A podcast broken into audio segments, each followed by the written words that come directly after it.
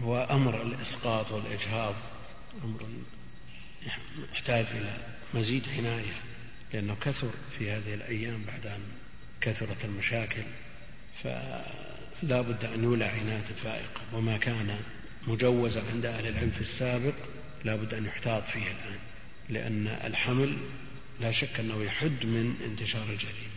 فإذا سهل أمر الحمل خف وزن الجريمة في عند بعض ضعاف النفوس. فلا بد أن يحتاط لهذا الأمر. طيب حملت بتوأم اثنين يكفي خروج الأول أو لابد من خروج الثاني؟ يعني إذا خرج الأول ما يقال وضعت. نعم. أول النفاس من أين من أولهم. نعم. أول النفاس من أولهم. فعلى هذا يتصور أن امرأة حملت بتوأم ويعقد عليها بين الاثنين. وضعت الأول يتم العقد تجمل الخطاب إلى يطرح الثاني. نعم؟ المسائل فيها بعد لكنها متوقع يعني ما هي ب... ما هي مستحيلة. نعم؟ براءة الرحم. لكن هل يتصور أنه يمكن أن يختلط النسب؟ هل للثاني أن يقرأ بها قبل أن تطهر من نفاسها؟ نعم؟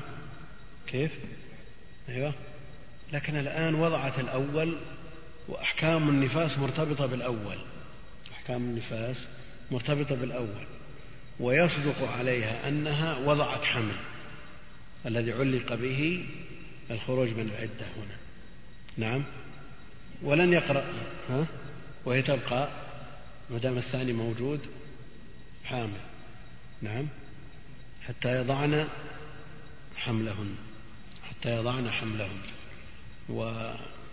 وحمل مصدر مضاف. مصدر مضاف يفيد العموم. يفيد العموم. لا شك أن الاحتياط الاحتياط أن تنتهي من وضع جميع ما في بطنها. لكن النفاس معلق بوضع الأول بوضع الأول. وأمر بالتزويج إن بدالي يعني وكل الأمر إليها. قال ابن شهاب ولا أرى بأسا لأن لو لم يقل لو لم تقل إن بدالي نعم فالأمر بالتزويج حكمه. أن افترض أن بدالي ليست موجودة وأمرني بالتزويج. واجب ولا مستحب؟ أو نقول أمر بعد حظر. أمر بعد حظر. فيرجع إلى حكمه قبل الحظر. اقرأ الحديث الثاني. وعن زينب, وعن زينب بنت أم سلمة قالت توفي حميم لأم حبيبة فدعت بصفرة فمسحته بذراعيها وقالت إنما أصنع هذا لأني سمعت رسول الله صلى الله عليه وسلم يقول لا يحل لامرأة تؤمن بالله واليوم الآخر أن تحد فوق ثلاث إلا على زوج إلا على زوج أربعة أشهر وعشرة الحميم القرابة. وعن أم عطية. وعن أم عطية أن رسول الله صلى الله عليه وسلم قال لا تحد لا تحد امرأة على ميت فوق ثلاث إلا على زوج أربعة أشهر وعشرة ولا تلبس ثوبا مصبوغا إلا ثوب عصب ولا تكتحل ولا تمس طيبا إلا إذا طهرت نبذة من قسط أو أو أظفار. العصب ثياب من اليمن فيها بياض وسواد. وعن لا.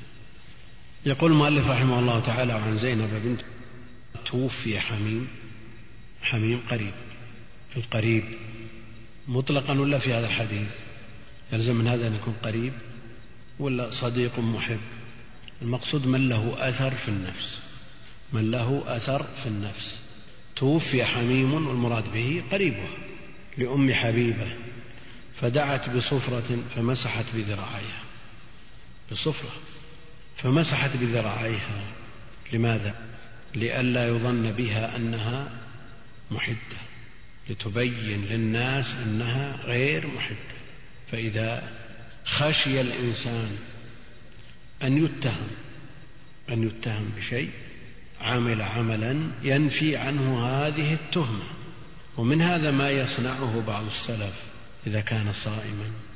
وظهرت أمارات الصوم عليه الدهن. الدهن ليظهر للناس أنه ليس ليس بصائم بل قد يبدو على أطرافه ما يدل على أنه أكل قريبا وعلى شفتيه وهذا من إخفاء العبادة. وبالمقابل لو أن إنسانا قبل أذان المغرب من يوم الاثنين مثلا حمل كيسا فيه التمر والماء والقهوة ودخل المسجد وفل السماط ووضع التمر والماء وجهز القهوة وما صام نعم. يقول الأكل في المسجد جائز كون بعد ما آكل حتى يؤذن بعد وش اللي يمنع؟ نعم. مثل هذا ينبغي ولا ما ينبغي؟ يذم ولا ما يذم؟ نعم. يذم بلا شك. ولذا جاء في الحديث حديث عمر. من كانت هجرته لدنيا يصيبها أو امرأة يتزوجها فهجرته إلى ما هاجر نعم. الهجرة من أجل الدنيا فيها شيء ولا ما فيها شيء؟ ما فيها شيء. هجرة من أجل الزوجة ما فيها شيء. بحث عن زوجة في بلد ما وجد وهاجر إلى بلد آخر ليتزوج. ما في شيء. سيقة مساق الذم هنا لأن من هاجر وهو سبب ورود الحديث. نعم. أظهر أنه هاجر من أجل إيش؟ من أجل الرسول فذم وإلا في الأصل ما يستحق ذم. هذا الذي أكل في المسجد مع أذان المغرب هذا الأصل أنه أكل مباح. وكونه انتظر الأذان مباح لكن كونه يظهر للناس من خلال عمله أنه يتقرب بأنه صائم ينظر إلى الأبواب كل من دخل تفضل أبو فلان. هذا يظهر للناس أنه صائم فيذم من هذه الحيثية. وهذا عكس ما كان يفعله خيار الأمة وسلفها. من إظهار من إخفاء العبادة. من إخفاء العبادة. هذه خشية أن تتهم بأنها محدة وأرادت أن تظهر هذه السنة. فقالت إنما صنعت هذا لأني سمعت رسول الله صلى الله عليه وسلم يقول لا يحل لامرأة تؤمن بالله واليوم الآخر أن تحد على ميت فوق ثلاث قل مثل هذا في أكل التمرات قبل الحضور لصلاة عيد الفطر. نعم. لأن بعض الناس قد يقول أنا أستمر صائم أنا صائم ثلاثين يوم وجالس ليلة العيد في المسجد تبع الاعتكاف ولا أخرج إلا إلى صلاة العيد فأستمر إلا نصلي العيد. ولا لابد أن تظهر خلاف ما كنت عليه لأن هذا يوم يحرم صيامه. يقول لا يحل لامرأة تؤمن بالله واليوم الآخر أن تحد على ميت فوق ثلاث. لا شك أن موت القريب موت الصديق موت الحم هذا له أثر في النفس. وقد لا يطيق بعض الناس مثل هذه المصيبة ينجمع على نفسه ويترك بعض الأمور المباحة. هذا نوع من الإحداد لكن أكثر من ثلاثة أيام لا يجوز. لا يحل لامرأة تؤمن بالله واليوم الآخر أن تحد على ميت فوق ثلاث.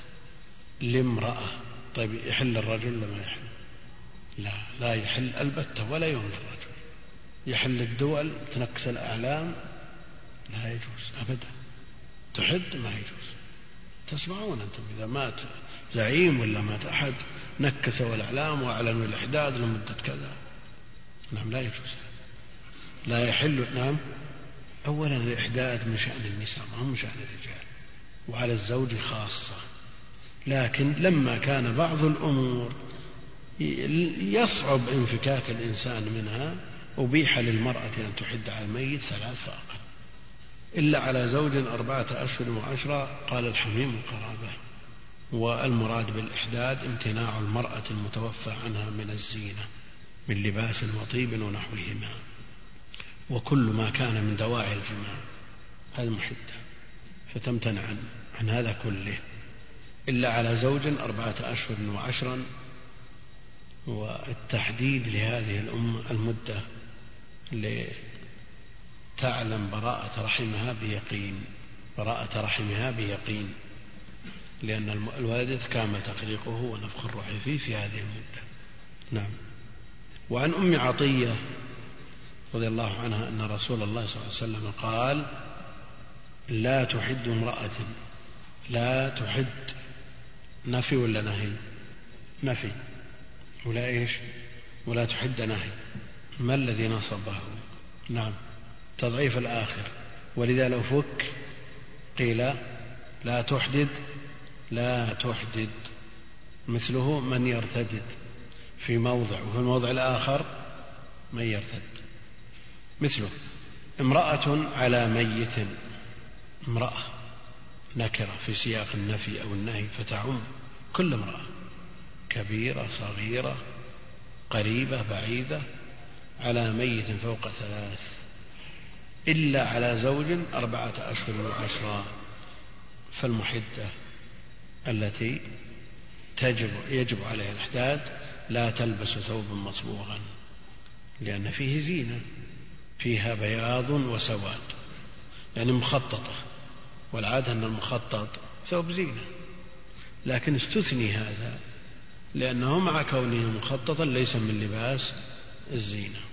ولا تكتحل لأن الكحل يجمل وهي ممنوعة من استعمال أدوات التجميل فالمكاييج بأنواعها ممنوعة من قبل المحدة. لا يجوز أن تستعمل شيء من ذلك.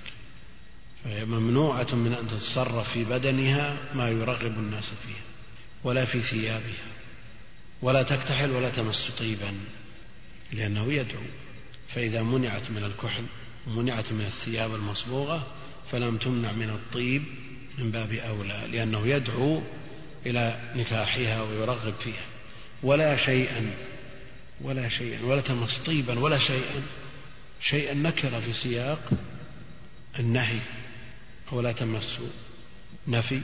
على كل حال هي عامة وشيئا مغرقة في العموم يعني هذا أن لا تمس جدار لا تمس طاولة ما تمس باب ما تمس شيئا إيش؟ طيب شيئا من إيش؟ من الزنا أو من الطيب مما عطف عليه. لا تمس شيء طيبا ولا شيئا. يعني العطف يقتضي المغايرة. العطف يقتضي المغايرة. فالثياب نص عليها والكحل نص عليه. نعم. يدخل في الثياب كل ما يلبس ويدخل في الكحل كل ما يجمل الوجه. نعم. والطيب بأنواعه ثم قوله شيئا يشمل كل ما يرغب في نكاحه كل ما يرغب في نكاحه. فهي ممنوعة بهذه اللفظة. ولو لم توجد هذه اللفظة لاقتصرنا على مذكور نعم هناك أمور تجمل المرأة وتزينها وترغب فيها غير المنصوص عليها فهذا من باب التأكيد. إلا إذا طهرت نبذة من قسط أو أظفار. إلا إذا طهرت القسط والأظفار نوعان معروفان من أنواع البخور. نعم من أنواع البخور الذي ليس فيه رائحة الطيب. نعم فيه رائحة لكن ليست رائحة طيب بدليل أنها لا تمس طيب. إنما فيه رائحة رائحة تضيع رائحة الرائحة التي كانت من أثر العادة. نعم. فتأتي بشيء يضيع هذه الرائحة. نوع من البخور. نعم. فيه رائحة ليست بطيب لأنها ممنوعة من الطيب. لكن رائحة تضيع الرائحة الكريهة. نعم هذا هو المقصود. من قسط أو أظفار وهما نوعان من أنواع البخور التي ليس فيها رائحة الطيب. والمرأة ممنوعة من لباس الثياب المعصفرة والمصبغة بأصباغ تجمل الثوب. هذا محل اتفاق بين أهل العلم. لكن هل تلبس الأبيض لأنه الأصل وما عداه يكون مصبوغا أو تلبس الأخضر أو تلبس الأسود لأنه لباس الحزن ماذا تلبس؟ نعم. أو نقول عليها أن تلبس أي لون كان باقي على أصله. يعني المادة الخام التي تصنع منها الثياب المواد مختلفة الألوان.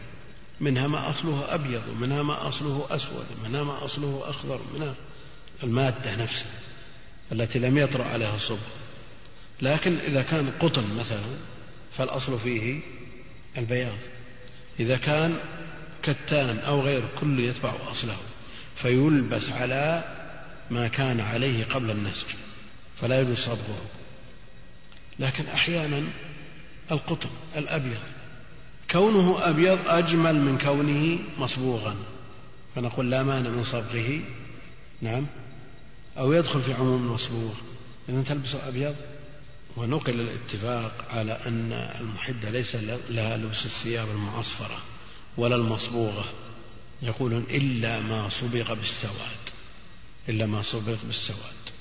لكن بعض الأسود فيه جمال أكثر من غيره. نعم. وأيضا إذا نظرنا إلى أصل المادة الخام التفصيل له دور. نعم. قد تقول والله السواد لباس الحزن لكن التفصيل ما تعرضنا النص. صح ولا لا؟ نقول تفصل على كيفه ولا؟ تجتنب الزينة عليها أن تجتنب الزينة. ودور التفصيل أعظم من دور أصل المادة. لأن قد تشتري المرأة قماش متره ثلاثمائة ريال ثم يفصل تفصيل يصلح للمحدة نعم. وقد تشتري قماش متره بخمسة أريل وتفصل تفصيل لا يصلح إلا للعرائس لأن التفصيل له له له وقع في التجميل وغيره لا سيما بعد أن افتتنا بتقليد الكفار وصارت البرد ترد علينا من الشرق والغرب وصرنا نقبل التلقين كل ما جاء نقبلنا وإلا فالأصل أن المرأة المسلمة متميزة بلباسها نعم بينه وبين زوجها هذا لا يتدخل فيه أحد إلا ما ورد النهي عنه بخصوصه لأنها مأمورة بالتجمل لزوجها لكن كونها مع الأسف الشديد تتجمل للناس وتلبس للزوج ثوب المطبخ هذا واقع كثير من الناس. زوج يجلس عند الباب ساعة أو ساعتين ينتظرها تتجمل لزيارة آل فلان وآل فلان. وإذا جاءت جاء بها في منتصف الليل أخذ وقت ينتظرها تخلع هذه الثياب. ترى هذا واقع كثير من الناس. هذا واقع كثير من الناس. يعني انقلبت المفاهيم. الأصل أن التجمل للزوج. هذا الأصل. فأقول أن التفصيل له دور في تجميل الثياب وعدمها. واللون وحده لا يكفي. اللون وحده لا يكفي. فلا يقال أن أصل الألوان الأبيض أو هذا ثوب قطن أصله أبيض ما دخل عليه شيء نفصل على ما نريد لا أو أن الأسود ثوب حزن لا والله المستعان. آه، في الحديث الذي يليه نعم. وعن أم سلمة رضي الله عنها قالت جاءت امرأة إلى رسول الله صلى الله عليه وسلم فقالت يا رسول الله إن ابنتي توفي عنها زوجها وقد اشتكت عينها أفنكحلها فقال رسول الله صلى الله عليه وسلم لا مرتين أو ثلاثة. كل ذلك يقول لا. ثم قال إنما هي أربعة أشهر وعشر وقد كانت إحداكن في الجاهلية ترمي بالبعرة على رأس الحول. فقالت زينب كانت المرأة إذا توفي عنها زوجها دخلت حفشا ولبست شر ثيابها ولم تمس طيبا ولا شيئا حتى تمر بها سنة ثم تؤتى بدابة حمار أو شاة أو طير فتحتض به فقل ما تحتض بشيء إلا مات ثم تخرج فتعطى بعرة فترمي بها ثم تراجع بعد ما شاءت من طيب أو غيره. الحفش البيت الصغير وتفتض تدرك به جسدها. يقول المؤلف رحمه الله تعالى عن أم سلمة رضي الله عنها قالت جاءت امرأة إلى رسول الله صلى الله عليه وسلم فقالت يا رسول الله إن ابنتي توفي عنها زوجها وقد اشتكت عينها أو عينها. إذا قلنا الفاعل هي عينها وإذا قلنا العين هي الفاعل رفعناها. اشتكت عينها أفنكحلها. مسألة مسألة علاج لكنه علاج متضمن لزينة. فما تضمن الزينة تمنع من المحدة ولو كان علاجا. فتعالج بعلاج لا أثر له في التزين. يطلب علاج لا بأس تعالج وهي محدة. وإذا احتاجت الخروج إلى العلاج تخرج. متسترة تافلة تخرج العلاج لأنه حاجة. لكن هل تخرج للدراسة تخرج للتدريس تخرج للوظيفة؟ لا. لأنها مأمورة بالبقاء في بيتها. الذي جاء جاءها فيه نعي زوجها لا يجوز لها أن تخرج. أما العلاج ضرورة. إذا كان لا ليس أو لا يوجد عندها من يقضي حوائجها الأصلية مما تضطر إليه تخرج بقدر الحاجة. لكن دراسة ولا تدريس ولا وظيفة كل هذا ما يفوت شيء. ما يعارض به مثل النصوص الصحيحة الصريحة. أفنكحلها فقال رسول الله صلى الله عليه وسلم لا لا لا. مرتين أو ثلاث بالتأكيد تأكيد الأمر. كل ذلك يقول لا. هناك أمور ممنوعة منها. مؤكد النهي عنها. وهناك أمور يفعلها العوام اجتهادا منهم. اجتهادا منهم. لا تطلع على الحوش لا ترقى للسطح لا أدري إيش. لا تنظر إلى القمر لا تنظر إلى الشمس. كل هذا من من اجتهادات العوام التي لا أصل لها. هذه لا أصل لها. نعم هي ممنوعة من كل ما يرغب الرجال فيها وما يدعو إلى نكاح ومأمورة بالمكث والبقاء في بيتها وممنوعة من لبس ما نص عليه ولا تتطيب ولا تكحل ولا تختضب كل هذا لأنه يدخل في منع التزين. كل ذلك يقول لا ثم قال إنما هي أربعة أشهر وعشر ما في أكثر من هذا. أربعة أشهر وعشر ليال. يعني مدة يسيرة جدا. مكثت مع هذا الزوج عشرين ثلاثين أربعين سنة. يصعب عليك الامتناع مدة أربعة أشهر وعشر ليال. إنما هي أربعة أشهر وعشر. قيل امكثي في البيت قدر ما, ما مكثت عنده. مكثت عند هذا الزوج أربعين سنة أحدي عليه أربعين سنة. لا. أربعة أشهر وعشر. وقد كانت إحداكن في الجاهلية ترمي بالبعرة على رأس الحول يعني تمكث حولا كاملا تمكث حولا كاملا وخفف إلى ثلث المدة ثلث المدة. وقد كانت المدة كم؟ سنة متاعا نعم سنة. ثم نسخت بأربعة أشهر وعشر فقالت زينب كانت المرأة إذا توفي عنها زوجها دخلت حفشا. يعني بيتا صغيرا شعثا عبارة عن غرفة صغيرة ما فيها شيء من مظاهر الجمال ولا النور أيضا. مظلم تجلس في هذا البيت. لتعلن للناس أنها فارقت أحب الناس إليها وأقرب الناس إلى قلبها وأنها مصابة بهذه المصيبة العظيمة. كانت المرأة إذا توفي عنها زوجها دخلت حفشا ولبست شر ثيابها تلبس. الأسمال البالية ولم تمس طيبا ولا شيئا حتى تمر عليها سنة كاملة. ثم تؤتى بدابة لا تمس طيب ولا شيء ولا ماء ولا تغتسل ولا تتنظف أبدا. تتراكم عليها الأوساخ وتتوالى عليها الدورات الحيض من غير أن تمس شيء. يعني رائحتها ماذا تصير؟ في غاية الكراهية. تكون منتنة. حتى تمر عليها سنة ثم تؤتى بدابة حمار أو طير أو شاة مهم دابة مما يدب على وجه الأرض. والأصل فيها كل ما يدب على وجه الأرض حتى من بني آدم.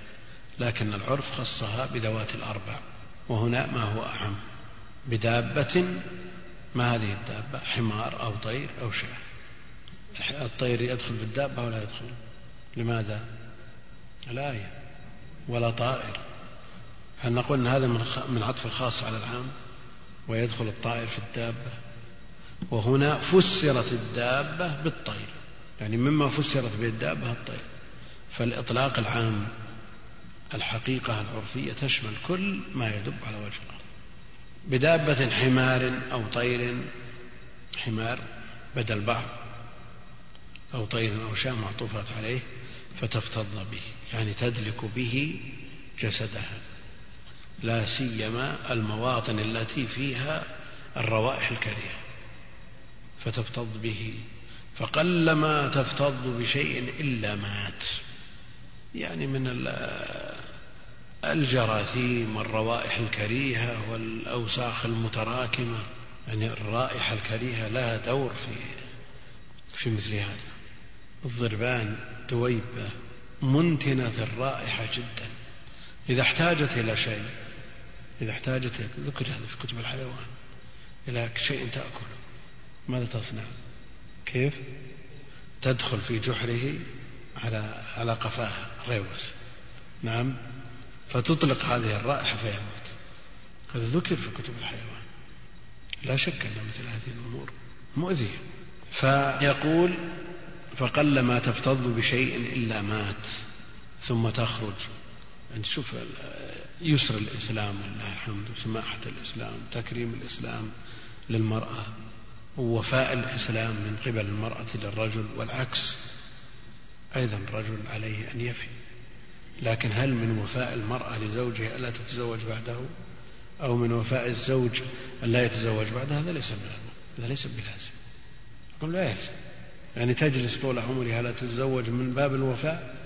لا هذا لا يأتي به شرع بل هي مأمورة بالزواج والزوج مأمور بالزواج. فقل ما تفتض بشيء إلا مات ثم تخرج فتعطى بعرة. البعرة الروث روث بعير أو حمار أو شاه وما أشبه ذلك هي بعرة بكل حال هذا الذي أراد أن يغيظ معنى بن زائدة ومع هذا لا يستطيع أحد أن يغيظه.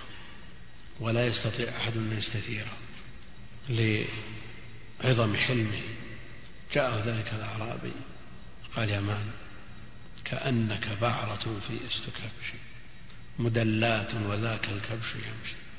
أعطاه جائزة أعطاه هدية. نعم أعطاه هدية.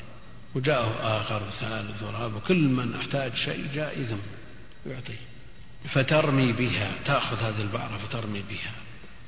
وهذه إشارة إلى أنها خرجت من العدة ليعرف الناس أنها انتهت المدة وأن ما مكثته لا يعدل هذه البعرة بالنسبة لحق زوجها عليها.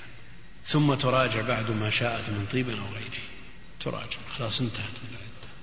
انتهت من الإحداث نعم. قال رحمه الله تعالى كتاب اللعان. عن عبد الله بن عمر رضي الله عنهما أن فلان ابن فلان قال يا رسول الله أرأيت أن لو وجد أحدنا امرأته على فاحشة كيف يصنع؟ إن تكلم تكلم بأمر عظيم وإن سكت سكت على مثل ذلك. قال فسكت النبي صلى الله عليه وسلم فلم يجبه.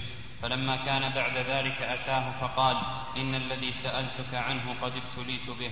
فأنزل الله عز وجل هؤلاء الآيات في سورة النور والذين يرمون أزواجهم فتلاهن عليه ووعظه وذكره وأخبره أن عذاب الدنيا أهون من عذاب الآخرة. قال لا والذي بعثك بالحق نبيا ما كذبت عليها ثم دعاها فوعظها وذكرها وأخبرها أن عذاب الدنيا أهون من عذاب الآخرة. قالت لا والذي بعثك بالحق إنه لكاذب. فبدأ بالرجل فشهد أربع شهادات بالله إنه لمن الصادقين والخامسة أن لعنة الله عليه إن كان من الكاذبين. ثم ثنى بالمرأة فشهدت أربع شهادات بالله إنه لمن الكاذبين والخامسة أن غضب الله عليها إن كان من الصادقين ثم فرق بينهما ثم قال الله يعلم الله يعلم أن أحدك أن أحدكما كاذب فهل منكما تائب؟ ثلاثة وفي لفظ لا سبيل لك لا سبيل لك عليها قال يا رسول الله مالي قال لا مال لك. إن كنت صدقت عليها فهو بما استحللت من فرجها وإن كنت كذبت عليها فهو أبعد لك منها. وعنه أن رجلا رمى امرأته وانتفى من ولدها في زمان رسول الله صلى الله عليه وسلم فأمرهما رسول الله صلى الله عليه وسلم فتلاعنا كما قال الله عز وجل ثم قضى بالولد للمرأة وفرق بين المتلاعنين. يقول المؤلف رحمه الله تعالى باب اللعان. واللعان والملاعنة والالتعان مصدر مصادر لاعن ملاعنة ولعانا والتعن التعانا والأصل فيه يعني مأخذ الكلمة من قول الرجل أن لعنة الله عليه لعن الرجل نفسه واللعان والملاعنة تكون بين طرفين بين زوج وزوجة. فالذي يصدر من الزوج لفظ اللعن والذي من الزوجة لفظ الغضب وهو أشد من اللعن. وأختير الغضب للزوجة وهو أشد من اللعن لأن جريمتها أشد فيما لو صدق.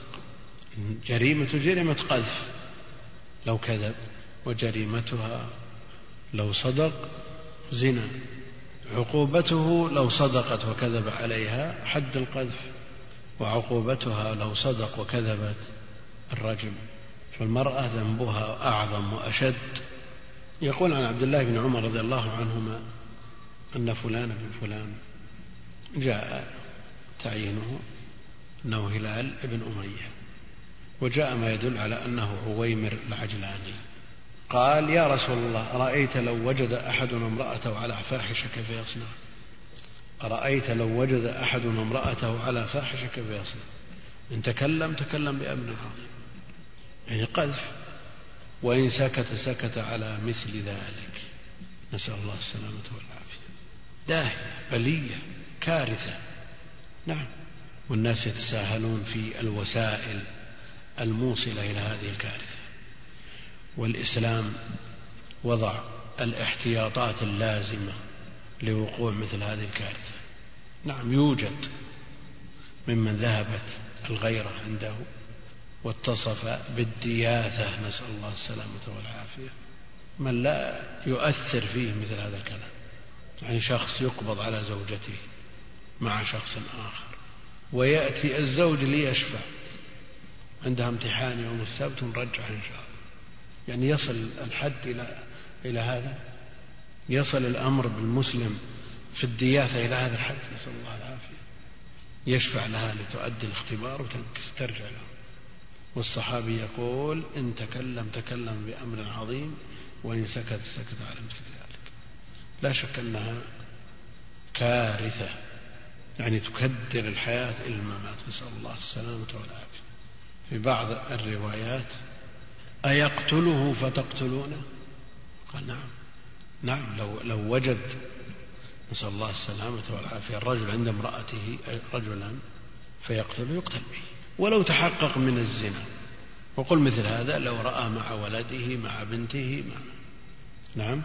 ولو تحقق من الزنا. وأن هذا الزاني محصن. وحقه الرجم أيقتله فتقتلونه؟ يقتل. لأنه لو ترك الأمر في مثل هذه الأحوال لأفراد الناس وصار تنفيذ الحدود بأيدي الناس ما صار لولي الأمر قيمة. لأن هذا من اختصاصات ولي الأمر. ولا صار كل واحد يكون بينه وبين آخر دعوة أو مشكلة يستضيفه في بيته ويستدرجه إلى غرفة النوم ثم يقتله.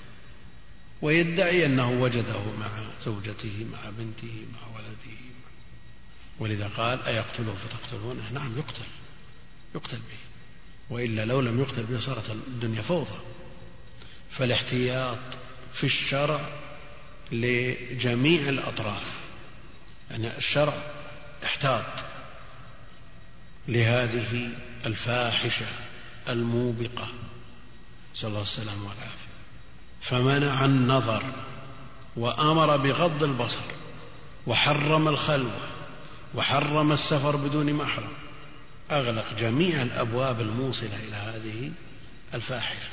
يعني كون الناس يتساهلون ويتخطون الحدود ويقعون في مثل هذه ذنب الشرع ما ترك منفذ يمكن أن يوصل إليه إلى هذه الفاحشة. لكن من تساهل بالوسائل نعم جنى الغايات. فعلى المسلم أن يهتم بهذا الأمر ويحتاط له أشد الاحتياط. إن تكلم تكلم بأمر عظيم. تكلم بأمر عظيم لأنه قذف. وإن سكت سكت على مثل ذلك. إذا الحل شو الحل؟ هو يسأل. شخص وجد عند زوجته رجلا. ماذا يصنع؟ قال فسكت النبي صلى الله عليه وسلم فلم يجبه. لم يجبه. قد يقول قائل البيان واجب. وهذا يسأل النبي عليه الصلاة والسلام. لماذا لم يبين له؟ تأخير البيان عن وقت الحاجة لا يجوز لكن إلى وقت الحاجة يجوز. يعني لو جاء شخص يسأل بإمكانك أن تقول هذه المسألة وقعت ولا ما وقعت؟ إن كانت واقعة لا بد من أن يجاهد. إذا كانت ما وقعت آه، للمسؤول مندوح أن ينتظر ويؤجل. فسكت النبي عليه الصلاة والسلام فلم يجبه. فلما كان بعد ذلك أتاه فقال إن الذي سألتك عنه قد ابتليت به. وأهل العلم يقررون أن البلاء موكل بالمنطق. البلاء موكل بالمنطق. إن الذي سألتك عنه قد ابتليت به. فأنزل الله عز وجل هؤلاء الآيات في سورة النور. قول فأنزل يدل على أن هذه القصة هي سبب النزول. وجاء ما يدل على أن فلان هذا هو هلال ابن أمية. بهذا السياق فأنزل. وهو أول من لاعن في الإسلام. وجاء في قصة عويمر العجلاني قد أنزل الله فيك وفي صاحبتك هؤلاء الآيات. ولا يمنع أن تقع الحادثة لأكثر من واحد. يتعدد السبب لنازل واحد. نعم. يأتي هلال بن أمية ويذكر ثم يأتي عويمر العجلاني فينزل الله جل وعلا في أمرهما قرآنا واحدا. منهم من يرى تعدد النزول بسبب تعدد السبب لكن لا وجه له. وهذا قيل في الفاتحة أنه نزل ثلاث مرات. نعم.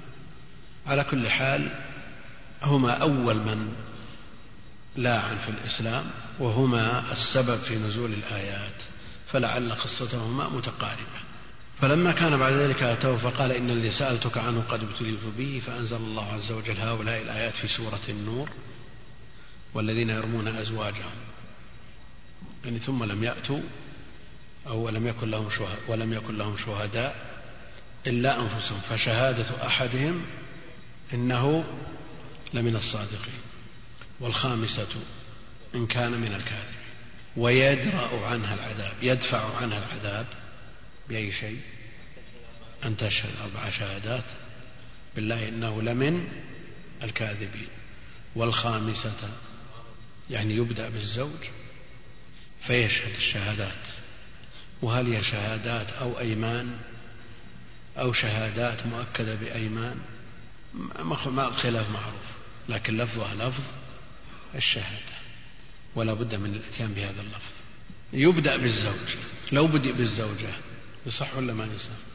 يعني الترتيب في القرآن في الآيات معتبر لأن لعان الزوجة مرتب على لعان الزوج. يعني لو لم يلاعن الزوج ما طلب من الزوجة لأنها إنما تلاعن لتدرأ عن نفسها ولا يثبت الحق الحد في حقها إلا بعد لعان الزوج. فلا يصح أن يبدأ بالزوج وعلى الخلاف بين أهل العلم لكن هذا هو الراجح. فائدة اللعان. أولا نسأل الله السلامة والعافية. لنا ولكم ولعموم المسلمين. إذا وجد الرجل مع زوجته رجلا وتأكد من أنه زنى بها فالمسألة لا تخلو إما أن يترتب على ذلك حمل أو لا. ترتب عليه حمل أو لا. فإن ترتب عليه حمل تعين اللعان. تعين اللعان. إن لم يترتب عليه حمل ف ورأى الستر والفرقة تكون بالطلاق يطلقها له ذلك. لكن هل له أن يمسكها؟ الآن فائدة اللعان سقوط الحد عن الزوج وانتفاء الولد والفرقة المؤبدة.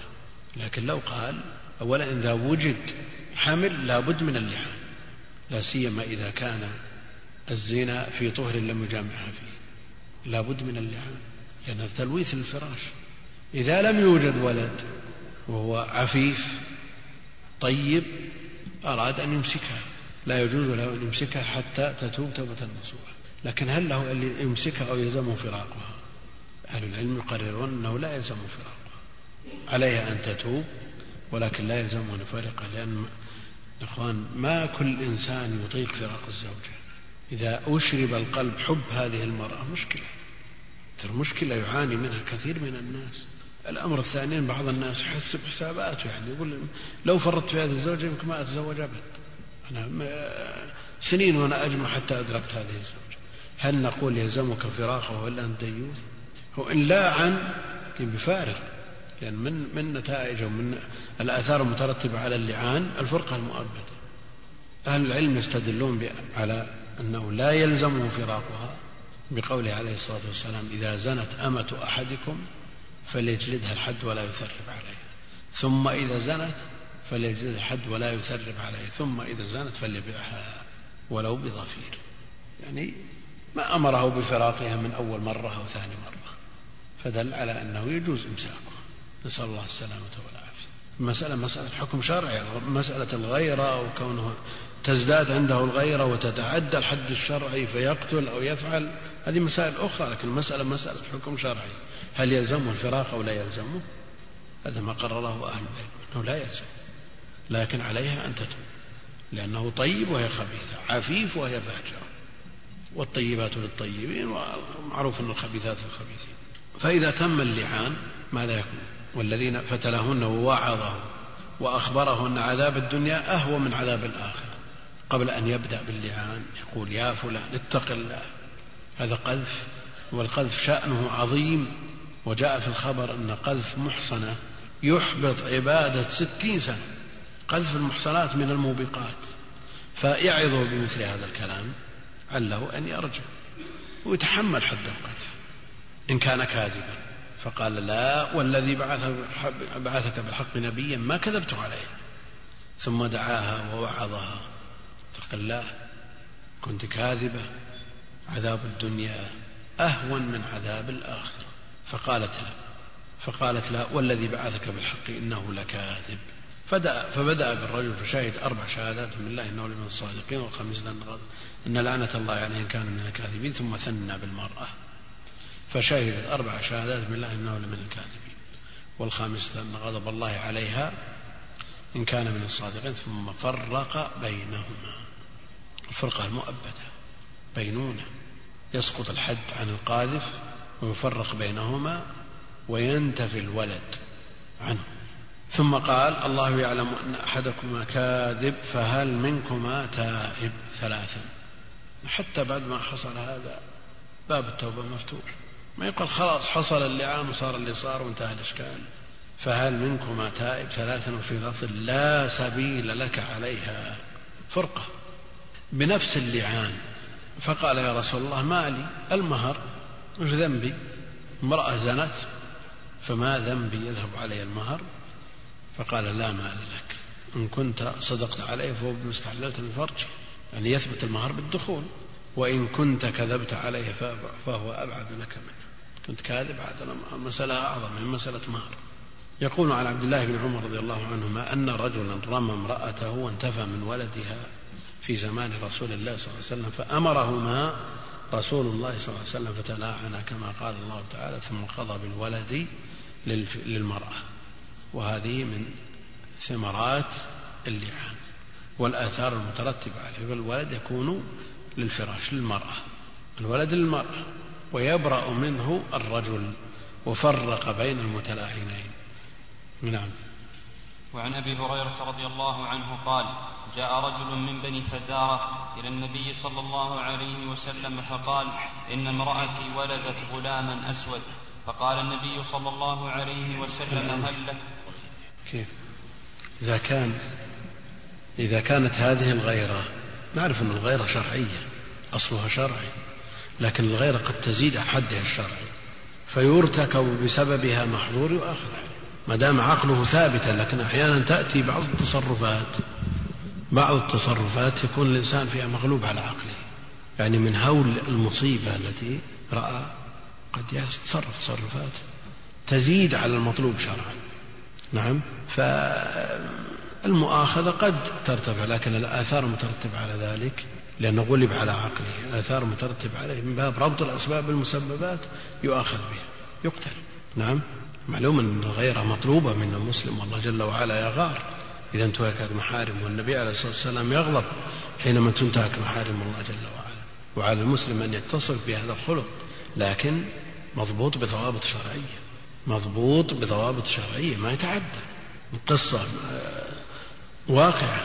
شخص أيقظ زوجته لصلاة الصبح فلما جاء من المسجد وجدها ما صلت. توعدها وهددها. إن كررت إن عادت فعل ما فعل. فأيقظها من الغد فرجع وجدها ما صلت قتلها الباعث على هذا إيش؟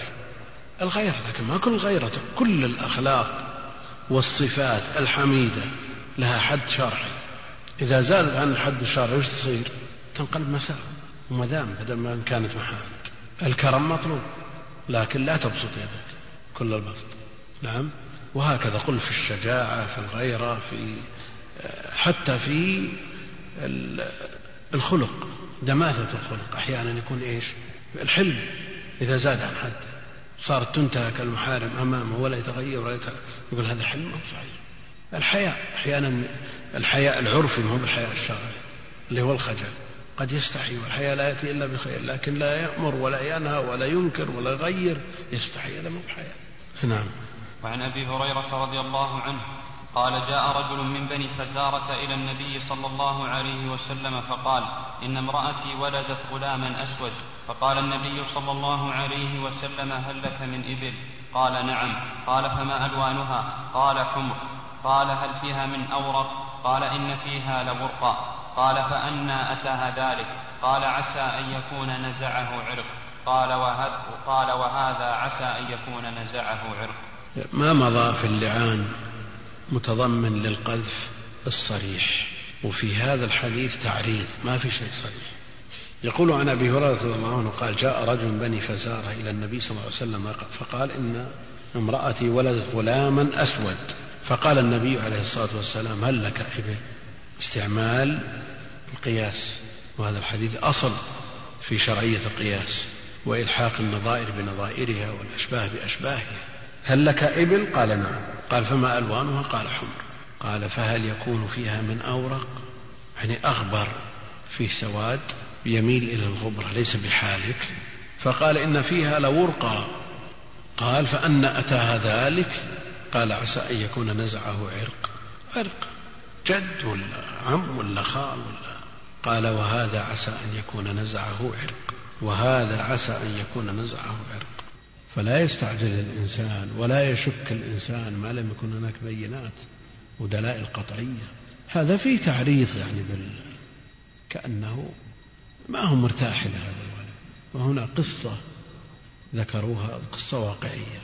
شخص أحمر يعني بلون الأعاجم تزوج امرأة شديدة البياض وهو صاحب أسفار وتجارات وراحات حملت المرأة.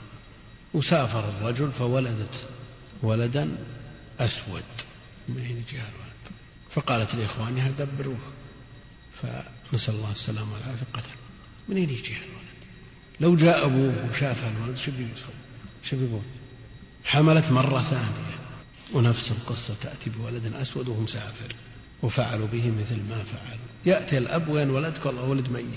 وين الولد الثاني؟ مات. المرة الثالثة لما حملت قال من مسافر بشوف لابد حضر حضر فولدت ولدا أسود قل لا إله إلا الله. سبحان الله. هذه صورة جدي. سبحان الله. طيب الأول والثاني كيف يتصرفون؟ شو يصنعون هذه واقعة يا أخوان. ما هي ما هي بتمثيل ولا هي من أجل المناسبة لا ما هي واقعة. كيف يتصور يعني مثل هذا؟ نعم. وهنا يقول لعله نزعه عرق. قال هذا الله هذا جدي لا إله إلا الله. ما يستعجل الإنسان لا بنفي ولا بإثبات. الأصل ولد على فراشه أنه له مهما كان الاختلاف. فالنبي عليه الصلاة والسلام مثله له بمثال محسوس من بيئته مما يزاوله مما يعاشره فمسح ما في خاطره انتهى. لكن لو لم يأتي بهذا المثال وهذا النظير وهذا المثال الحي نعم قد يبقى في نفس الشيء لو قال لو تعوذ من الشيطان وهذا ولدك ولا توسوس نعم ما يكون أثره واقتناعه وقناعته بهذا الولد مثل هذا المثال الذي ذكره عليه الصلاة والسلام. ففي الحديث ضرب المثل وهو أصل في باب القياس أصل من الأصول التي يعتمد عليها في الشرع. نعم. يقول المؤلف رحمه الله تعالى عن عائشة رضي الله عنها قالت اختصم سعد بن أبي وقاص وعبد بن زمعة. الواو هذه اختصم سعد بن أبي وقاص وعبد بن زمعة. عاطف ولا المعية؟ ما تأتي معية لأن الفعل يتناول الثاني كتناوله الأول ليست المعية. فقال سعد يا رسول الله هذا ابن أخي عتبة بن أبي وقاص. عتبة بن أبي وقاص يعني سعد أول من رمى بسام في الإسلام وفداه النبي عليه الصلاة والسلام بأبيه وأمه. وعتبة هو الذي شج النبي عليه الصلاة والسلام وكسر البعير في أحد. يعني بؤر شاسع يا رسول الله هذا ابن أخي عتبة ابن أبي وقاص عهد إلي أنه أوصى إليه قال طالب بالولد ترى لنا. نعم. ف واختصر مع عبد بن زمعة انظر إلى شبهه يعني شبيه بعتبة. واضح أنه من ماء عتبة شبيه به. لكن عندنا إيش؟ مقدمات شرعية نبني عليها نتائج. والحكم إنما يكون على الظاهر البواطن يتولاها الله جل وعلا. لكن عندنا مقدمات وهنا في هذا الباب عندنا مقدمات نبني عليها. الولد للفراش ولو كان بين ولو كان مشبه لا نوع مقدمة إذا تحققت توفرت بنينا عليها نتيجة نتيجة شرعية. هنا الشبه البين بعتبة. وهذا في مجال الدعوة في مجال خصومة. لكن لو ما في خصومة وهذا الولد منسوب لعتبة. وجاء من يشكك فيه أنه ليس لعتبة وما في خصومة. عملنا بالشبه وعملنا بقول القيافة كما في قصة أسامة بن زيد مع أبيه على ما سيأتي. لكن إذا وجدت خصومة لابد أن تفض هذه الخصومة بالمقدمات والنتائج الشرعية. لأنه يقول أهدر الشبه؟ وفرح النبي عليه الصلاة والسلام لما قال مجزز في أسامة هذه الأرجل من هذه الأرجل. شو معنى هذا؟ أو علشان عبد بن زمع أخو لسودة زوجة النبي عليه الصلاة والسلام. قد يقول قائل مثل هذا الكلام. لكن باب الخصومات يختلف عن الأبواب الأخرى. ادعي الولد وفي باب الخصومة ما عندنا. المسألة التي تقبل صلح كالأموال مثلا. يتنازل هذا وهذا ويحصل صلح. ممكن يوفق بينهم. لكن هذا يمكن صلح يصير ولد إلا اثنين ما في صلح لابد من البت. بمقتضى القواعد الشرعية. لأن في خصوم. انظر إلى شبهه وقال عبد بن زمعة هذا أخي يا رسول الله ولد على فراش ولد على فراش أبي من وليدته. خلاص. هذا الأصل. فنظر رسول الله صلى الله عليه وسلم فرأى شبها بينا بعتبة. لكن القاعدة الشرعية الولد للفراش لابد أن تطبق عشان تحسم النزاع. هو لك يا عبد بن زمة هو لك يا عبد مبني على الضم لأنه منادى مفرد. وابن لا من جت مضاف. ابن يا عبد ابن صفة أو بدل أو بيان لعبد. طيب العبد مرفوع أو هذا منصوب؟ يا أخي ما الإضافة علاقة. خلنا بعبد وابن. اترك زمعها الآن. ابن وصف لعبد أو بدل منه أو بيان له. يعني تابع له إعرابه كإعرابه. نعم على المحل وصف على المحل تابع له في محله لأن المنادى محله النصب مبني على الضم في محل نصب ابن زمعة في بعض الروايات عبد هو لك عبد بن زمعة بدون ياء وأشكل على بعض الناس المعلقين على الكتب يقول كيف هو لك عبد؟ نعم. عبد هو لك عبد وش صار عبد وش علاقته؟ بالتجبية سوداء ولا. فأشكل عليهم حذف الياء وهو منادى منادى سواء وجدت الياء أو حذفت. نعم هو لك يا عبد بن زمة يعني هو لك أخ هو أخ لك لأنه ولد على فراش أبيك والولد للفراش.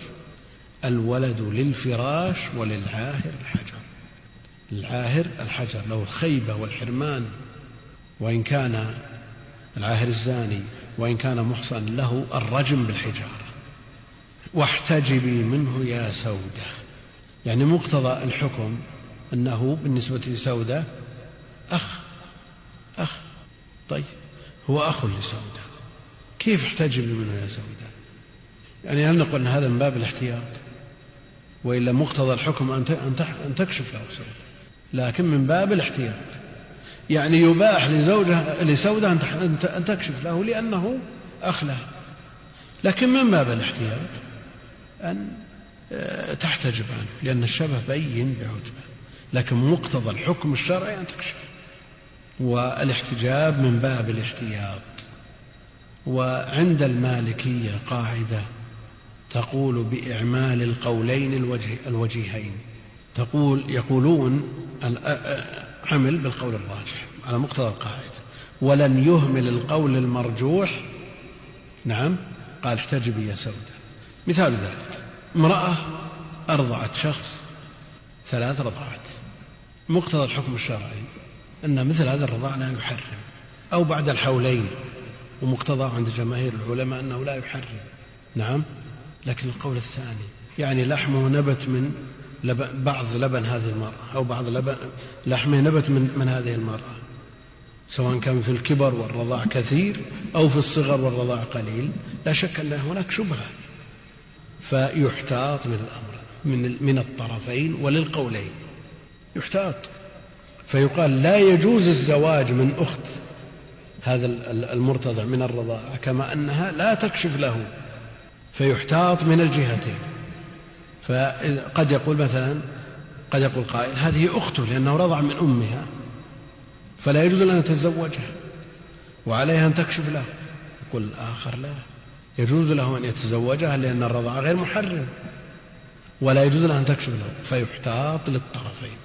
ويبقى أنه عند عند المشاحة الحكم الشرعي هو الأصل. حكمنا بهذا تحكم بجميع الجمهور يقول ما دام ثبت الحكم بترجيح قول الراجح على مرجوح لا نلتفت إلى المرجوح.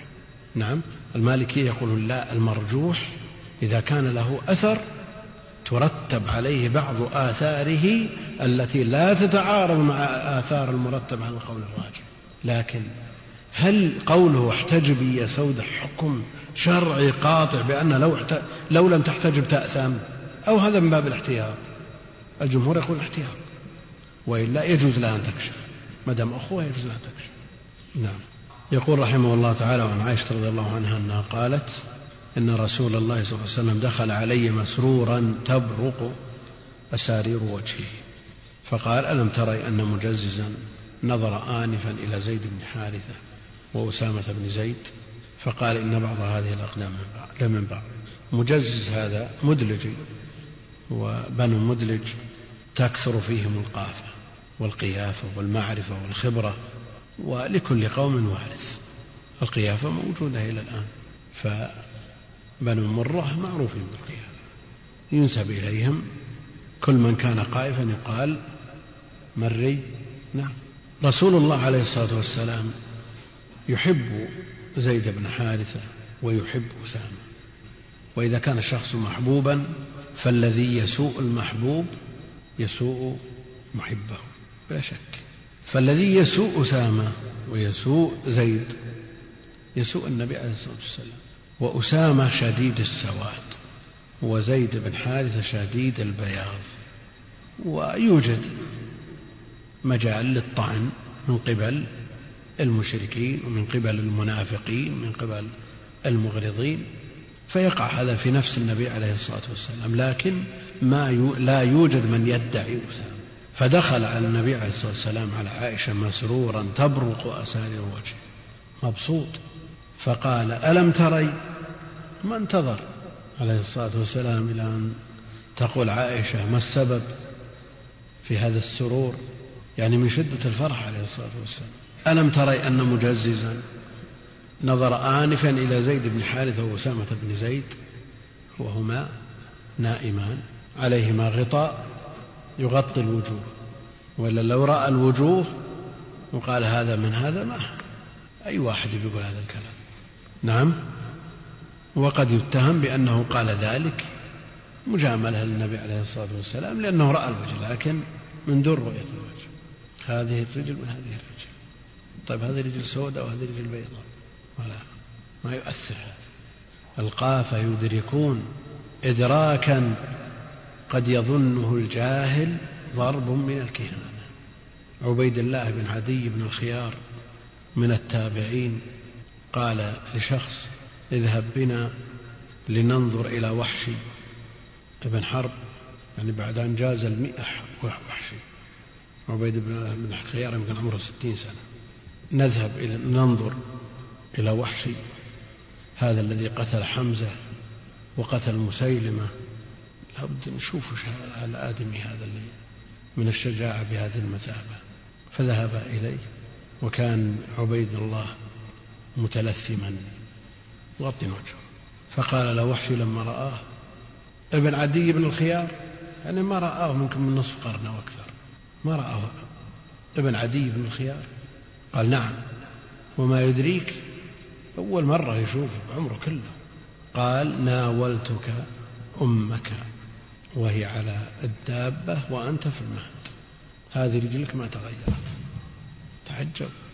يدركون يدركون مثل هذا. سهل بالنسبة لهم. سهل بالنسبة لهم. فألقافة لا شك أنهم يدركون وشهادتهم إذا لم يعارضها ما هو أقوى منها معتبرة عند الجمهور.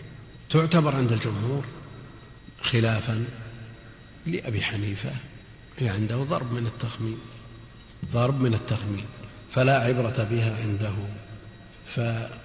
فيكتفى بشهادة القائف ولو كان واحدا وإن كان الخلاف موجود أنه لابد من اثنين لكن المعتبر واحد يكفي شهادته تكفي والشهادة والبينة وهي ما يبين الحق لا شك أنها تختلف من موضع إلى موضع فيأتي في الرضاع أنه قبل شهادة المرضعة.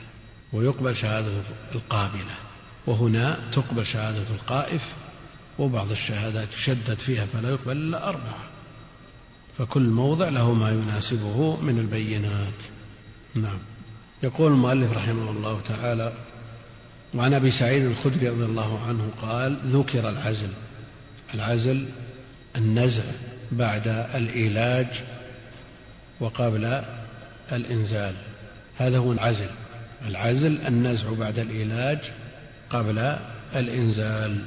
ذكر العزل لرسول الله صلى الله عليه وسلم فقال ولما يفعل أحدكم ذلك؟ الهدف من ذلك ألا تحمل المرأة. هذا جواب فائدة من العزل. لما يعزل الزوج؟ لما يعزل السيد عن أمته؟ لكي لا تحمل المرأة وعلى حسب المقاصد. إذا كانت حرة لا يريد الحمل المتتابع على زوجته وإذا كانت أمة يريد أن يبيعها بدون أولاد وما أشبه ذلك. وإن كانت زوجة أمة لا يريد الولد وليس له. معروف أن الولد في الحرية والرق تبع أمه. نعم. ذكر العزل لرسول الله صلى الله عليه وسلم فقال ولم يفعل أحدكم ذلك؟ استفهم عليه الصلاة والسلام. ولم يقل فلا يفعل ذلك أحد أحدكم. وقد تكون المرأة ترضع فيخشى أن يتضرر الولد الرضيع من الغيلة ف ولم يقل فلا يفعل ذلك أحدكم. ما فيه نهي ينهى عن العزل. وفي حكم العزل استعمال الموانع استعمال الموانع. فإذا وجد السبب والمبرر المقبول مع انتفاء الضرر فلا مانع من استعمال الموانع. قياسا على العزل.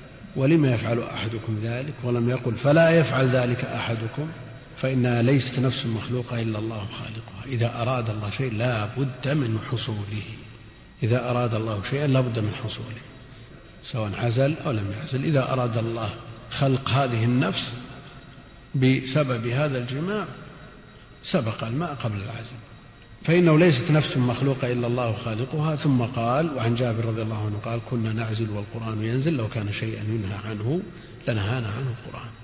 والعزل جائز بشرطه يعني بإذن الحرة لأن الجماع من حق الطرفين فلا يعزل عنها إلا بإذنها والولد من حقهما. كما أنه ليس للمرأة أن تستعمل الموانع دون علم الزوج إلا بإذنه كذلك لا يعزل عنها إلا بإذنها. أما إذا كانت أمة مملوكة له له أن يعزل عنها بدون إذنها لأنها ملكه عن جابر رضي الله عنه قال كنا نعزل والقرآن ينزل. لو كان شيئا ينهى عنه لنهانا عنه القرآن. استدل على جوازه بعدم نزول ما يحرمه. قول الصحابي كنا نفعل. إن أضافه إلى العهد النبوي فهو في حكم المرفوع. إن أضافه إلى العهد النبوي كان في حكم المرفوع لكن في مثل هذا النص كنا نعزل والقرآن ينزل لو كان شيء لنهانا عنه القرآن. هل جرت العادة بأن كل معصية تقع ينزل القرآن في بيانها؟ نعم. أو اكتسبت الشرعية من إقرار النبي عليه الصلاة والسلام؟ نعم. إقراره. نعم. اكتسب الشرعية من إقرار النبي عليه الصلاة والسلام. وكونهم يفعلون هذا على عهد النبي عليه الصلاة والسلام ولا ينكر. منهم من يطلق ويقول هذا يكتسب الشرعية من وجوده في العصر النبوي عصر التشريع. ولو كان شيئا منها لنهى عنه القرآن ونهى عنه النبي عليه الصلاة والسلام. ومنهم من يقول إن كان هذا الأمر مما يخفى له حكم. وإن كان مما يظهر له حكم فإن كان مما يخفى لا يكتسب الشرعية وإن كان مما لا يخفى بحيث يبلغ النبي أكلنا فرسا على عهد رسول الله ذبحنا فرسا على عهد رسول فأكلناها هذا لا يخفى يكتسب الشرعية والقول المرجح عند الجمهور أنه إذا أضافه إلى عهد النبي النبوي وهو من الصحابة ويستدل به على مسألة شرعية يكتسب الشرعية كنا نعزل والقرآن ينزل لو كان شيئا ينهى عنه لنهانا عنه القرآن. لو كان شيئا ينهى عنه لنهى عنه القرآن. قصة المجادلة. قد سمع الله قول التي تجادلك في زوجها وتشتكي إلى الله. نزل خبرها من السماء لبيان الحكم. وهناك وقائع كثيرة من هذا النوع من هذا النوع. وجاء في بعض الروايات ما يدل على أن النبي عليه الصلاة والسلام يعلم ذلك. والرواية السابقة ذكر العزل لرسول الله صلى الله عليه وسلم نعم صريحة في أن العزل ليس بممنوع لأنه قال لم يف... لما يفعل أحدكم ذلك ولم يقل فلا يفعل أحدكم ذلك. وعلى كل حال جواز العزل أمر مقرر والحديث السابق دليل عليه. نعم. يقول المؤلف رحمه الله تعالى وعن أبي ذر رضي الله عنه أنه سمع رسول الله صلى الله عليه وسلم يقول ليس من رجل ادعى لغير أبيه وهو يعلمه إلا كفر. الأمر عظيم. الأمر عظيم. وله وجود. له وجود. في السابق واللاحق. كثيرا ما ينسب الابن إلى جده. وقد ينسب إلى أمه. عن عبد الله بن بحينة. أمه. نعم. وقد ينسب فلان إلى جده أحمد بن حنبل. نعم. أبو محمد. فهل يدخل مثل هذا؟ وفي بعض الأقطار تنسب الزوجة إلى زوجها. نعم. تلغى أسرتها تماما إذا أضيفت إلى زوجها. إذا مو موجود في بعض الأقطار. نعم. في البادية تساهل كثير في هذا الباب. يعني يذهب العم أخو الزوج أخو الأب أو زوج الأم. عنده طفل من زوج سابق يذهب يسجله في المدرسة وينسبه إلى نفسه ويستمر على هذا. وهذا له له وقائع يعني موجود. فما معنى الكفر هنا؟ ليس من رجل دعا لغير أبيه وهو يعلمه إلا كفر. هذا عند أهل العلم كفر دون كفر. كبيرة من الكبائر. نعم. أما الانتساب إلى الجد أحمد بن حنبل. الجد أب. شرعا نعم. الجد أب. تبعتم ملة آبائي. من؟ نعم. أجداد. فالجد أب شرعا فالأمر فيه سهل النسبة إلى الأم أيضا هو ابنها. قيل عبد الله بن بحينة هو ابن بحينة. وحامل الأمامة بنت زينب. هي بنت زينب. ما عدا الحقيقة. لكن الكلام في الاستنكاف من ذكر الأب هذا الإشكال حينما يستنكف ما يريد أن يذكر بينه وبين أمه مشاكل أو هو ما وجد رعاية وعناية من الأب وقال بلى استفدنا. هذا لا يجوز بحال لا يجوز بحال. ليس من رجل دعا لغير أبيه وهو يعلمه إلا كفر. إن استحل ذلك إن استحل ذلك مع علمه والعلم له منصوص عليه وهو يعلمه مع علمه بأبيه ومع علمه بالتحريم واستحل ذلك هذا خطر عظيم. وإلا فهو كفر دون كفر.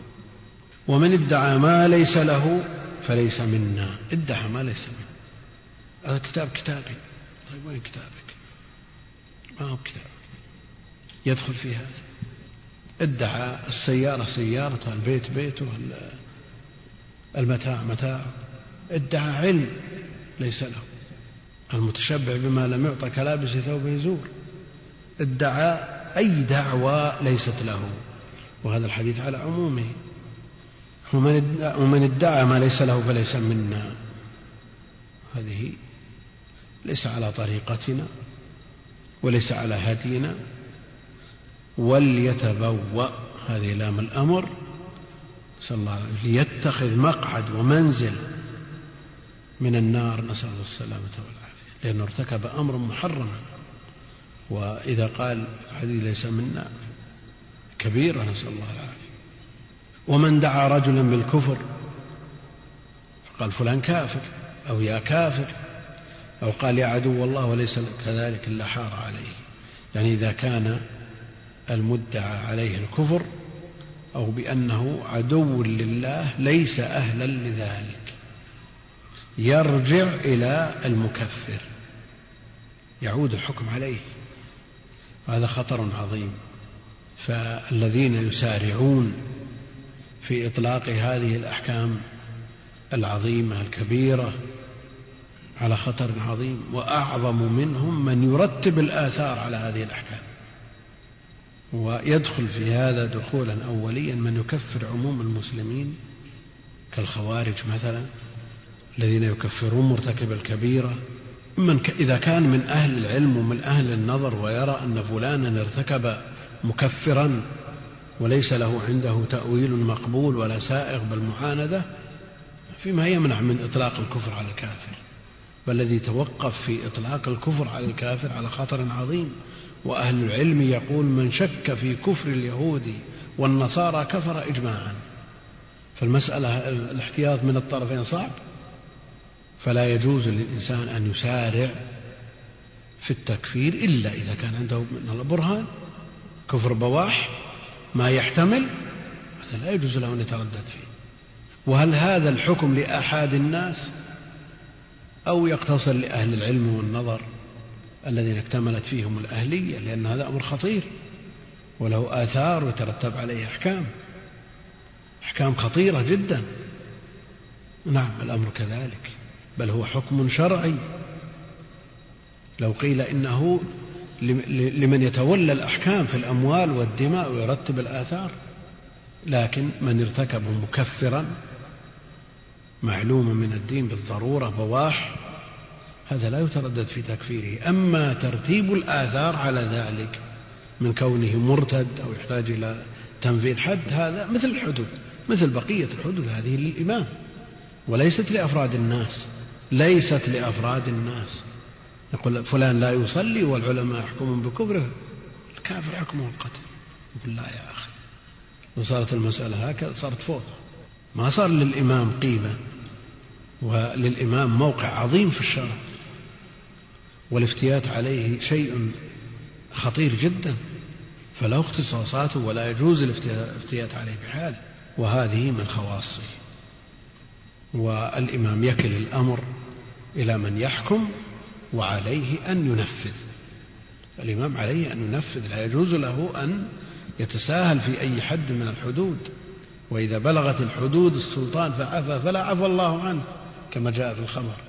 لكن أيضا الشرع وضع له حقوق وعليه حقوق لكن الافتيات عليه أمر خطير خطير جدا. كيف تنتظم الأمور وكل إنسان سلطان بنفسه؟ يريد أن يطبق ويريد أن ينفذ. لا هذه فوضى. والشرع يشدد في مثل هذه الأبواب. المقصود أن مثل هذا يحتاج إلى تثبت وتأني والتوقف والتحري والتثبت هي سمة الحريص على براءة ذمته الحريص على براءة ذمته. نعم إن رأى كفرا بواحا ما فيه تأويل ولا كذا ونوقش وأخبر باللوازم والتزم تحمل التكفير. لكن التكفير لا يأتي من مجرد اجتهادات أو من خلال فهوم لا تستند إلى نصوص. لا لا بد من أن يتولى ذلك أهل العلم والذي ينفذ الآثار المترتبة على الحكم هو من وكل إليه أمر التنفيذ. وحار عليه يعني رجع عليه وليس كذلك؟ إلا حار عليه يعني رجع إليه. نعم. قال رحمه الله تعالى كتاب الرضاع. كتاب الرضاع. الرضاع هو ارتضاع اللبن الذي ثاب عن حمل. وهو ما كان في الحولين من المجاعة والخلاف في رضاع الكبير معروف. الجمهور على أنه لا يحرم والظاهرية تبعا لعائشة رضي الله عنها تقول يحرم رضاع الكبير. شيخ الإسلام يقصره على الحاجة والأصل فيه سالم مولى أبي حذيفة احتيج إلى رضاعه احتيج إلى إرضاعه فرضع وهو كبير وأذن النبي عليه الصلاة والسلام. فرضاع الكبير عند الجمهور لا يحرم التحريم إنما يكون في الحولين خمس رضعات فلا تحرم المصة والمصتان وإنما المحرم ما كان في الحولين خمس رضعات. ولا بد أن يكون هذا اللبن قد ثاب عن حمل كما يقول الجمهور. لكن إذا وجد لبن من امرأة ليست ذات بعل وفيه خواص اللبن المغذي لا شك أنه لبن والمرتضع راضع للبن وله خواص اللبن إذا يحرم. لكن الجمهور يقولون حكمهم على الغالب أنه لا يوجد لبن إلا من حمل فحكمهم على الغالب. وامرأة في عجوزة كبيرة جدا في الثمانين من عمرها. اتصلت تسأل تقول إنها فيها لبن وأرضعت أكثر من واحد. نقول إذا كان اللبن فيه خواص اللبن المحرم فيه خواص وما المانع أن يكون له أم بدون أب؟ نعم له أم بدون أب. شريطة أن يكون لبن ما هو أي شيء غير اللبن. لأنه قد يخرج من الثدي شيء غير اللبن. هذا مشاهد مجرب. يذكره الأطباء لكن يبقى أنه إذا كان لبن بخواصه فهو محرم. عن ابن عباس رضي الله عنهما قال قال رسول الله صلى الله عليه وسلم في بنت حمزة لا تحل لي. لا تحل لي يحرم من الرضاع ما يحرم من نسب وهي ابنة أخي من الرضاعة حمزة أخ للنبي عليه الصلاة والسلام. نعم. عم. لكن أخ له من الرضاعة ولا لا؟ على مقتضى الحديث ابنة أخي من الرضاعة نص. نعم. ابنة أخيه من الرضاعة لا تحل له لأنه يحرم من الرضاع ما يحرم من النسب. يحرم من الرضاع ما يحرم من النسب. واستثنى بعض أهل العلم صور أربع أربع صور. وبعضهم استثنى ست صور لكن الحافظ ابن كثير يقول التحقيق أنه لا يستثنى شيء من ذلك لأنه يوجد مثل بعضها في النسب وبعضها إنما يحرم من جهة الصهر فلا يرد على الحديث شيء أصلا البتة. يعني لو تأملت الصور المستثنات ليس نظيرها من النسب إنما نظيرها من المصاهرة والنص إنما هو فيما يحرم من النسب. نعم. وعن عائشة رضي الله عنها قالت قال رسول الله صلى الله عليه وسلم إن الرضاعة تحرم ما يحرم ما يحرم من الولادة. وهذا كسابقه يحرم من الرضاع ما يحرم من النسب. وهنا يقول الرضاع يحرم ما يحرم من الولادة. وقد جاء النص في المحرمات وأمهاتكم اللاتي وأخواتكم من الرضاعة. فجاء النص على التحريم بالرضاعة لكن لا بد من توافر الشروط. لا بد من توافر الشروط وأن يكون خمسا في الحولين عند الجمهور. نعم يقول وعنها قالت إن أفلح أخا أبي القعيس استأذن علي بعدما أنزل الحجاب بعدما أنزل الحجاب. فقلت والله لا آذن له. بعدما أنزل الحجاب والنساء النبي عليه الصلاة والسلام جاء في حقهن فيما يتعلق بالحجاب أشد مما جاء في غيرهن وإن كان الحجاب مفروض على الجميع. الحجاب مفروض على الجميع. يا أيها النبي قل لأزواجك وبناتك ونساء المؤمنين يدنين عليهن من جلابيبهن ذلك أدنى أن يعرفن فلا يؤذين. وكان الله غفورا رحيما هذه آية في غاية القوة في اللزوم بالحجاب أو الإلزام بالحجاب. وأن الذي ينادي بنزع الحجاب هو المخاطب بالآية الثانية التي تليها. لئن لم ينتهي المنافقون والذين في قلوبهم مرض والمرجفون الذين يطالبون بالحجاب هم المنافقون. ولذا عقبت هذه الآية بهذه الآية. فالحجاب مفروض على كل مسلمة. مكلفة. والله لا آذن له. حتى أستأذن النبي عليه الصلاة والسلام فإن أخا أبي القعيس ليس هو أرضعني. يتظن أن الرضاع خاص بالمرضعة. يعني بين المرتضع والمرضع فقط ولا يسري إلى ما يسري إليه تحريم النسب. فإن أخا أبي القعيس ليس هو أرضعني. ولكن أرضعتني, أرضعتني امرأة أبي القعيس. فدخل علي رسول الله صلى الله عليه وسلم قلت يا رسول الله إن الرجل ليس هو أرضعني. يعني ما له علاقة. ولكن أرضعتني امرأته. هي ظنت أن الرجل لا أثر له في اللبن. الرجل لا أثر له في اللبن. اللبن لبن المرأة إيش دخل الرجل؟ إن الرجل ليس هو أرضعني ولكن أرضعتني امرأته. تبقى العلاقة بين المرتضع والمرضع. الرجل ما له علاقته نعم. لا. فقال ائذني له فإنه عمك تربت يمينك. قال عروة في ذلك كانت عائشة تقول حرموا من الرضاع ما يحرم من النسب. خلاص ما دام هذا عم لأني ارتضعت من زوجة أخيه إذا حكم هذا حكم النسب. حرموا من الرضاع ما يحرم من النسب وفي لفظ استأذن علي أفلح فلم آذن له. فقال أتحتجبين مني وأنا عمك؟ من أين جاءت العمومة هذه؟ من كونها رضعت من زوجة أخيه. فقلت كيف ذلك؟ قال أرضعتك امرأة أخي بلبن أخي. يعني هل الزوج له أثر في اللبن؟ نعم له أثر. ولذا يقول العلماء في تعريف اللبن اللبن الذي ثاب عن حمل ولا حمل بدون زوج. هذا كلام الجمهور. بلبن أخي قالت فسألت رسول الله صلى الله عليه وسلم فقال صدق أفلح. ائذني له تربت يمينك. يعني بعد أن يتأكد أن هناك رضاع. نعم يكون عم.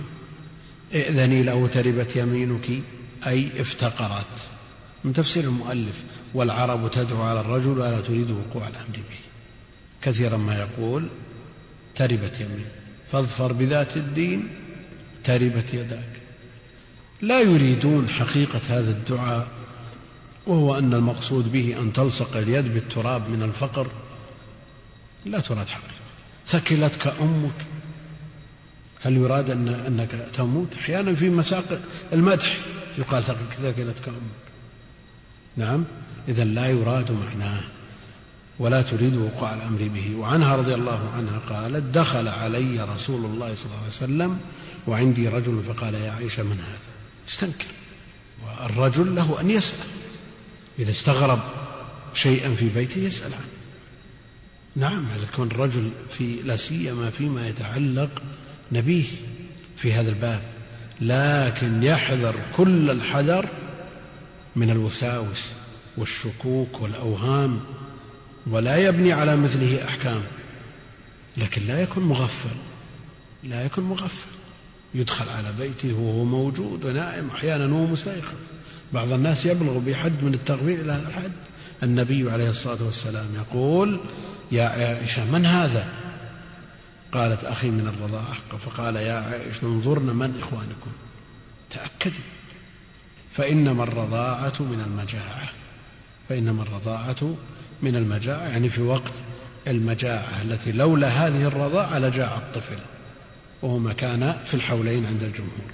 وحديث سالم مولى أبي حذيفة يستدل به شيخ الإسلام في جواز رضاع الكبير للحاجة وهو جزء أو بعض من مذهب عائشة التي تراه محرم مطلقا. نعم. نعم هذا عقبة بن الحارث تزوج أم يحيى. بنت أبي إيهاب فجاءت أمة سوداء فقالت قد أرضعتكما. نعم أمة. هل هذه شهادة ولا خبر؟ خبر. يطلب فيه الصدق ولا تطلب فيه الحرية لأن هناك فرق بين الخبر والشهادة. على أن بعضهم يقول وإن كانت شهادة فتقبل شهادة الأمة كما يقبل خبرها. لأنها مكلفة ومطالبة بالتثبت كما تطالب الحرة. فذكرت ذلك للنبي صلى الله عليه وسلم. قال فأعرض عني. قال فتنحيت فذكرت ذلك له. تزوج وانتهى. الآن العقد ثبت. فهل يرتفع هذا العقد بمثل قول هذه الأمة؟ المسألة مسألة صدق وكذب إذا غلب على الظن صدقها نعم يعمل به. إذا غلب على الظن خلاف ذلك من الناس من يستأجر قال فسد النكاح. نعم لرغبة في الزوج من قبل بعض النساء أو لرغبة في الزوجة من قبل بعض الرجال. فإذا وجد مثل هذا الظن أو إذا غلب على الظن وقوع مثل هذا لا يلتفت إلى الخبر. وإذا خالت المسألة عن هذا وهذا يتثبت لأن المسألة رفع أمر واقع فلا بد من التثبت فيه ولذا تنحى أو أعرض عنه النبي عليه الصلاة والسلام. نكاح ثبت. نعم. فتنحيت فذكرت ذلك له فقال وكيف؟ وقد زعمت أن قد أرضى. في بعض الروايات كيف وقد قيل؟ لست بحاجة إلى أن تعيش عمرك كله هي أختي أو ليست بأختي. نعم. إذا وجد مثل هذا الشك ووجد مثل هذه الريبة ووجد مثل هذا نعم الحكم الشرعي شيء. ثبت العقد الصحيح ما يرفع إلا ببينة. إذا شك في هذه البينة إن كان مرد الفرقة ما, ما يراود القلب من من أحاسيس ومن أوهام أختي ما ليست أختي هذه كيف وقد خير؟ اتركها. النساء غيرها كثير لكن العقد إذا ثبت لا يرفع إلا بأمر بين. نعم يقول المؤلف رحمه الله تعالى عن البراء بن عازب رضي الله عنه قال خرج رسول الله صلى الله عليه وسلم يعني من مكة وقصة الهجرة آه، ضبطها البراء بن عازب. نعم نقلا عن أبي بكر قصة في الصحيح. نعم. المقصود ما يعنينا من هذا الحديث قال خرج رسول الله صلى الله عليه وسلم يعني من مكة مهاجرا فتبعتهم تبعتهم. هذا في الهجرة وفي عمرة القضية. لا في عمرة القضية نعم. في عمرة القضية لأن معه علي وجعفر وزيد. يعني الهجرة ما معه إلا أبو بكر. لا هذه في عمرة القضية. نعم هذا الحديث الأخير يقول عن البراء بن عازب رضي الله عنه قال خرج رسول الله صلى الله عليه وسلم يعني من مكة وهذا في عمرة القضية. فتبعتهم ابنة حمزة تنادي يا عم يا عم. حمزة أخوه من الرضاعة كما تقدم. فتناولها علي رضي الله عنه فأخذها بيدها فأخذ بيدها لأنه ابن عمها وقال لفاطمة دونك ابنة عمك. يعني هي قريبة لمن؟ للزوج وقريبة للزوجة فصار لها لهما حقان ابنة عمه وهي ابنة عمها فمن الجهتين فتناولها علي رضي الله عنه فأخذ بيدها وقال لفاطمة دونك ابنة عمك فاحتملت فاحتملتها فاختصم فيها علي وجعفر وزيد. فقال علي أنا أحق بها وهي ابنة عمي وأيضا زوجتي ابنة عمها. وقال جعفر أيضا أنا كذلك ابنة عمي وخالتها تحتي. وقال زيد بنت أخي لأن النبي عليه الصلاة والسلام آخى بين الصحابة بين المهاجرين وهذه منها زيد وحمزة من المهاجرين. فآخى بين المهاجرين ثم لما هاجروا آخى بين المهاجرين والأنصار. فبينهما أخوة بالمؤاخاة. بنت أخي فقضى بها رسول الله صلى الله عليه وسلم لخالتها. نعم. وقال الخالة بمنزلة الأم.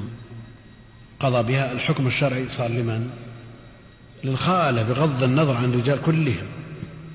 الخالة بمنزلة الأم. ثم عاد لا بد من تطيب خواطر الرجال. نعم. قال لعلي أنت مني وأنا منك. ألا ترضى أن تكون مني بمنزلة هارون موسى؟ يعني تطيب الخاطر خلقه عليه الصلاة والسلام. أنت مني وأنا منك. وقال لجعفر أشبهت خلقي وخلقي. من جعفر الآن يحتاج إلى أن يطيب خاطره. يحتاج؟ نعم. يحتاج. ما قضى بها له.